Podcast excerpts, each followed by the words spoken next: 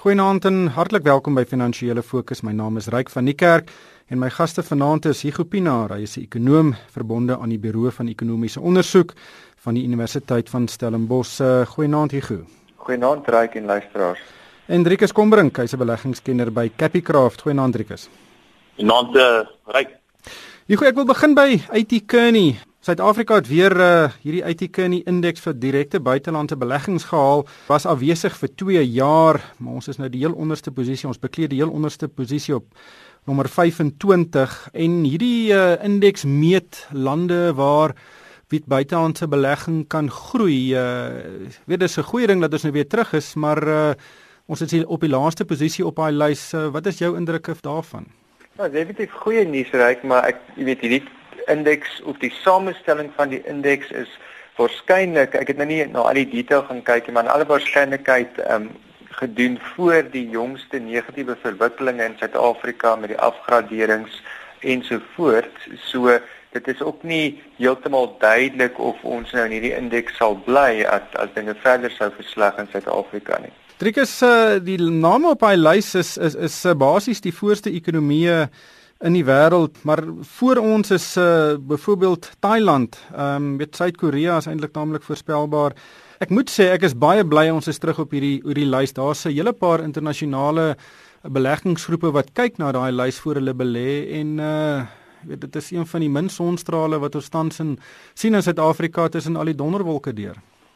Ja, ek dink reg een van die subtieler redes hoekom ons op daai lys is dat dat wel 'n uh, Afrika land op daai lys wil hê en dat ons uit die aard van die saak uit die nog steeds gesien word dalk as as een van die mees ontwikkelde ekonomieë in Afrika of dan een van die beste bestemmings in Afrika vir direkte uh, buitelandse investering. So ek dink dit maak sin om dit in te sluit meer van die subtiele redes is harder redes om in te sluit in 'n indeks. En dan ja, baie belangrik is of so 'n indeks is. As jy dinge reg doen en jy kan dalk 'n paar posisiepunte opskuif op hierdie beleggingsindeks, Ehm um, dit is kompetisie vir kapitaal op die einde van die dag. Ons is 'n land wat arm is aan kapitaal. Uh ons het 'n baie lae spaarkoers, met ander woorde baie lae investeringskoers in die ekonomie. Uh ons praat van 'n investeringstekort uh of uh, ons ons bestee meer as wat ons uh, nodig het om te spaar. Spaarkoers moet nader aan 25 tot 35% wees, ver onder dit wat nodig is. So ons het daai buitelandse kapitaal nodig. Wanneer ons dan 'n paar punte kan spring as ons dinge reg doen bygesê, nê? Uh dan kan dit die regte oog vang en ek ek seker daarvan dat dit dat 'n uh, agterwind kan wees vir direkte buitelandse investering in die regte omgewing natuurlik. Jy hoe uh, weet jy het nou verwys na die jongste kabinetskommelings um, en die impak wat dit op die ekonomie kan hê. Die een van die mees direkte impakte uh, wat ons volgende week gaan sien is 'n stygings in die brandstofprys en dit is 'n direkte gevolg van die verswakking van die rand kort nadat uh, daai kabinetskommeling plaasgevind het. Ja, reg, daar is geen twyfel daaroor nie. Ehm um, dit mens moet ook daarom nou sê die die veral nie in uh, die opsig van petrol want dit is dis so dit is internasionale produkpryse vir petrol en diesel waarna gekyk word en dan nou die rand uh, dollar wisselkoers. So veral in die geval van petrol wat dit so 50 50 50% van die van die stygings kom van hoër internasionale produkpryse um, of afgeleide prys van olie maar dan spesifiek vir petrol en dan die ander helfte van die stygings rolweg kom van die die swakker wisselkoers. So definitief die 50% van die stygings in die petrolprys kan mens direk direk aan die aan aan die rand ehm um, toeskryf en wat dan nou soos jy reg sê die rand het het verswak eintlik maar bloot net op die kabinetskommeling en die kredietafgraderings. Ja, druk is gewone mense moet nou opdok vir hierdie uh, politieke speletjies. Ja, en sien sien net die rand en die Brent olieprys wat natuurlik maak dat ons oploop. Dis natuurlik ook hoër heffings op die brandstofpryse is 'n maklike heffing om op te sit. Want ons nie regtig keuse om te betaal nie. Dis 'n prysonelastiese heffing uh wat ekonome dit noem. Dit beteken jy het nie regtig keuse nie. Jy moet hom betaal en uh en ons weet hoe lyk die staatsfiskus op die oomblik so daar word na allerlei oorde gekyk. So gedeelte van dit is in die vorige maand, na Februarie se begroting natuurlik, is daar paar sent bygevoeg en ek seker dit gaan in die toekoms ook weer bygevoeg word soos wat ons fiskus kleiner raak. So ja, die, die middelklas waarna jy nou raak ryk word, gedruk van alle kante af. Uh, ons het nou so 'n bietjie laer olieprys gehad die laaste 18 maande wat wat definitief help die rand het begin versterk en dit lyk of die rand begin omdraai. Dit beteken inflasie kan weer effens hoër neig. Gelukkig is voedselinflasie nog redelik ondertoom en mag dalk selfs nuwer laagte gaan raak hierdie jaar. Ons mag dalk minder styg en dit help meeste van ons sakke, maar meeste ander items uh net nog aan die onderkant. Hier gaan nog 'n moontlike impak is uh Moody's wat ons kan afgradeer. Weet uh, Malusi Gigaba was nou verlede week uh, in die buiteland en en het met hulle gesels en hulle gaan nou uh oor 'n sekere tydperk uh, ten minste langer as 30 dae weer die vergrootglas op Suid-Afrika plaas om te kyk of hulle ons gaan afgradeer. Hulle het ons natuurlik op uh, die, hulle vooruitsig is negatief. Dink jy uh, dit sal 'n verrassing wees as hulle ons afgradeer? Ek dink glad nie so nie, Raik. Ek dink dit, dit hang bloot af um, tot watter mate hulle dit doen want onthou in teenstelling met Fitch en Standard & Poor's is Moody's op hierdie stadium nog twee kerwe bo rommelstatus. Um, so ek dink die vraag is sou hulle so ver gaan om ons met twee kerwe op een slag af te gradeer tot rommelstatus. So kom ek sê net eers, ek dink dit is onverwendbaar dat hulle ons ten minste met een kerf afgradeer. Ehm um, dit sal glad nie 'n verrassing wees nie. En ek dink selfs nie dit sal 'n verrassing wees as hulle ons ehm um, na twee kerwe tot rommelstatus se vat op die buitelandse valuta gradering. Ek dink dit is ook dis baie belangrik om die onderskeid tussen die buitelandse valuta en die plaaslike valuta gradering um, te maak. Sou hulle ons plaaslike gradering ook na rommel status toe neem, jy weet dan uh, is ons nou besig om regtig uh, in 'n negatiewe terrein te beweeg want onthou die een van die grootste staatseffek indekse in die wêreld die die Citibank um, indeks hulle kyk spesifiek na die plaaslike valuta gradering en nie na Fitch nie maar na Moody's en S&P se. Hoe gereeld gebeur dit dat 'n uh, graderingsagentskap 'n land se kredietgradering met uh, twee kerwe verlaag? Ryk is 'n moeilik my of jy te antwoord, maar maar dit sou net in in redelike uitsonderlike omstandighede wees, soos byvoorbeeld as daar 'n staatsgreep in 'n land is of so iets. So so ek is seker dit het al in die verlede gebeur, um, maar soos ek sê, dit is nie sommer nie. Drikus, wat dink jy gaan die gevolge wees van hierdie scenario wat Hugo nou geskets het? Eerstens as ons net met een kerf afgegradeer word en uh Die tweede scenario is natuurlik dat ons uh, met twee kerwe afgegradeer word wat 'n dramatiese impak seker kan hê. Ja, daar's daar's reeds 'n verskil tussen twee. Dit is nie een impak is praat ons met ander woorde net van die buitelandse gradering en Suid-Afrika bitter min van ons uitgereikte skuld word in buitelandse geldeenhede gedenomineer. Ek dink dit is in die omgewing van 10%. So 'n baie klein gedeelte van ons staatsskuld wat 'n bietjie duurder gaan wees, maar en in so 'n geval het ons nog 'n bietjie tyd. Dit is tyd om ons huis in orde te kry plaaslik. As hulle al twee graderings laer vat, dan moet ek sê die kapitaalmarkte plaaslik, die wisselkoersmarkte prys dit glad nie in nie. Ons gesien dat die rand eintlik beduidend sterk bly of sterker word na die kabinetskommeling. Dit is as gevolg van uh, sentrale bank aksies in die weste wat dit goedkoper maak vir geld om hierdie kant toe te vlieg. Ons het 'n groot toeloop van ja, kapitaal na ontleikende markte toe gesien in die afgelope paar weke wat die rand ondersteun het en natuurlik 'n swakker dollar saam met wat ons ook 'n bietjie beter lyk teenoor die dollar. Maar uh dis tydelike kwessies daai en uh, uh sou ons op die afgraderings kry, uh, kan ek nie vir jou sê hy waar die rand gaan draai teenoor die FSA dollar nie. Vir daai maar 'n paar skote, jy gaan waarskynlik naby wees.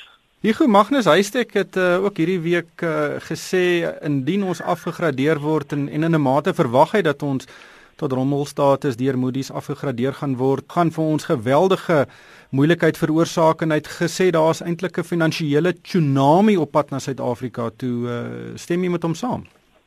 Wel, weer eens reik, ek dink kom ons sê dit selfs as Moody's nou die plaaslike valuta gradering na rommelstatus toe vat, dan val ons nog nie uit die Citibank indeks uit nie. Dit moet Moody's en S&P wees wat die die plaaslike valuta gradering afgradeer. So ons is nog nie op daai punt nie. Ehm um, ek stem met Drieke saam as die plaaslike gradering van albei S&P en ek meen dan het ons 'n wesenlike probleem. Uh, maar maar ons is nog nie in daai posisie nie. So ek is op hierdie stadium en ek dink dit is baie belangrik om die punt te maak dat ons uh, in terme van die buitelandse valuta is die skuld min Ehm um, so ek dink nie ons is nou al op daai uh, finansiële tsunami uh, pad nie.